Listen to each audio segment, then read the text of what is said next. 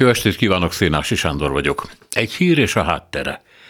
Értem, bár általában nem látom és nem hallom, mi ömlik a forróságtól asszó fejekre, milyen moslék az agymosadákból. Néha azért váratlanul mégis rám fröccsen valami egy politikai reklámból, amivel a filmet szakítják meg, és ilyenkor rá kellene jönnöm, hogy az értem szó olyan hűvös és elegáns távolságban van az élménytől, úgy értem az élmény alávalóságától és szégyentelenségétől, hogy ahhoz képest Makó és Jeruzsálem távolsága csak egy bakarasz, vagy valami olyasmi, amit értek is. Nem akarok mesélgetni, mindenki tudja, hogy Ukrajnáról van szó, meg a háborúról, amiért sunyi rávezetéssel az áldozatot teszik felelőssé. A békéről, aminek hiánya vádlón a bűnössített áldozatra mutat szintén, és a szankciókról, amiket a béke hiánya szül, és amik a magyar embereknek ugyebár a vérét folyatják, ezt tudjuk szintén, hogy ki miatt. De persze, ha ezt látom, akkor is tudom, hogy ez folyik, mert ezt hallom az ablakostól, a borbénál, a boltban, közeli ismerőstől, távoli rokontól, a fene se számolja már ki mindenkitől. Arra gondolok, hogy ezek az emberek mind magyarok. Nem úgy értem, hogy büszke magyarok végvári vitézek. Európa pajzsai ereikben szabadság fluidomot keringető fehérvári huszárok, bár persze, amikor a vezér ezekkel a szavakkal hizeleg nekik, ezeket löki nekik oda cupáknak, sokan, ó, milyen sokan mosolyodnak el és húzzák ki magukat.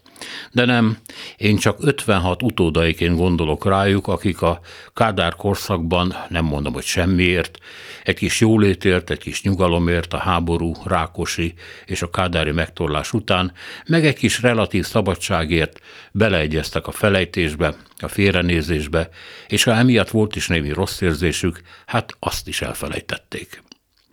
Ma, ha 56 emberei itt járnának köztük, meggyűlölnék őket. Nem kellett volna az oroszlán bajszát rángatnotok, mondanák nekik. Lássátok, mit hoztatok ránk, akasztófákat, az, hogy a ruszki másodszor is bejött. Mit értetek el? Függetlenséget? Polgári világot? Becsületes baloldalt? Közösségi tulajdont? Igazságot a meghurcolt fiatoknak, anyátoknak? A nyugat segítségét?